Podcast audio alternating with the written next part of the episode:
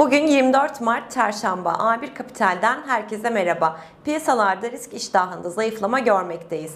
Bunda ana etmenler bir ABD Biden yönetimi uzun dönemli kamu yatırımlarına yönelik bir mali harcama paketi hazırlığı yaparken bütçe açıklarını sınırlamak üzere de sermaye gelirleri ve servet vergilerini kapsayabilecek büyük bir vergi planı üzerine de çalışma yapıyor. 2. Başta Avrupa olmak üzere dünya genelindeki birçok bölgede vakaların yeniden artışa geçmesi ve salgında 3. dalga endişeleridir.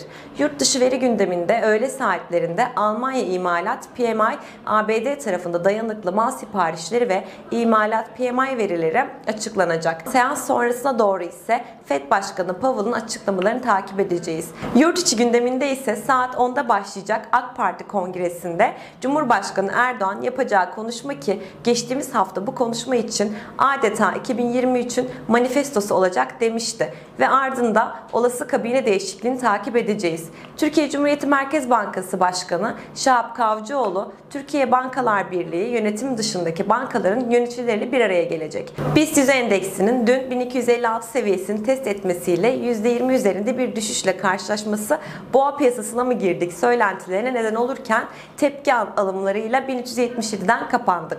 Yüksek volantilerin bir süre daha devam etmesini 1400 seviyesinin önemli bir direnç olduğunu aşağı yönde ise 200 günlük hareketli ortalama 1332 seviyesinin ilk önemli destek olarak görüyoruz. Herkese iyi günler, bol kazançlar.